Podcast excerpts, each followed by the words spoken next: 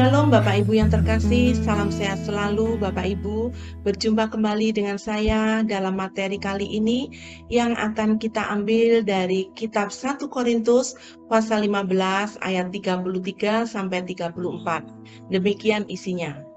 Janganlah kamu sesat. Pergaulan yang buruk merusakkan kebiasaan yang baik. Sadarlah kembali sebaik-baiknya dan jangan berbuat dosa lagi ada di antara kamu yang tidak mengenal Allah. Hal ini kukatakan supaya kamu merasa malu. Teks ini dituliskan oleh Rasul Paulus kepada jemaat yang ada di Korintus yang saat itu sudah mengaku bahwa Tuhan itu sebagai Tuhan dan juru selamat pribadinya. Tetapi kenyataannya apa? Mereka tetap hidup dan masih hidup di dalam pergaulan yang buruk. Sehingga Rasul Paulus saat menasihatkan mereka supaya mereka tidak menjadi orang-orang yang sesat, bahkan mereka pun menyesatkan orang lain. Kehidupan manusia tidak lepas dari yang namanya sebuah hubungan atau sebuah pergaulan. Oleh sebab itu, Bapak Ibu, dengan siapa kita bergaul, itulah yang menentukan kepribadian kita dan pola hidup kita. Sebagai contohnya, bila kita bergaul dengan seorang pencuri, maka kita pun akan terpengaruh. Lama-kelamaan kita juga akan bisa meniru. Kita mencuri sama seperti yang mereka lakukan.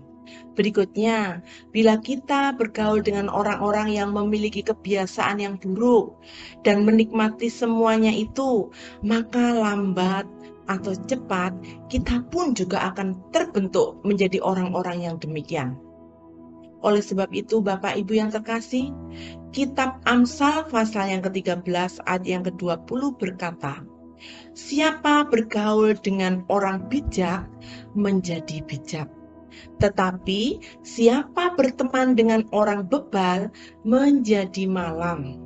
Bapak Ibu yang terkasih dalam Tuhan, Allah menginginkan supaya hidup kita ini menjadi terang buat Kristus yang dapat dilihat dan dirasakan oleh semua orang yang ada di sekitar kita. Sebab itu, jadilah bijak dalam memilih pergaulan dan teman hidup. Sebab pergaulan yang baik akan menghasilkan pola hidup yang baik dan kebiasaan yang baik pula. Sebaliknya, pergaulan yang buruk dan lingkungan yang buruk akan menghasilkan pola hidup dan kebiasaan yang buruk juga buat kita semua. Hari ini, bila Bapak Ibu mendengarkan materi Firman Tuhan, segeralah buat pilihan yang terbaik untuk hidup Bapak, Ibu, dan kita semua. Sebelum segala sesuatunya menjadi terlambat dan kita tidak punya kesempatan untuk memperbaikinya, marilah kita berusaha berbuat baik. Ambil kesempatan saat ini juga, supaya kita meninggalkan kebiasaan lama, meninggalkan kebiasaan buruk yang mungkin masih ada dalam kehidupan kita Terima kasih, kiranya Tuhan Yesus tetap menolong kita dan memberkati kita semuanya. Amin.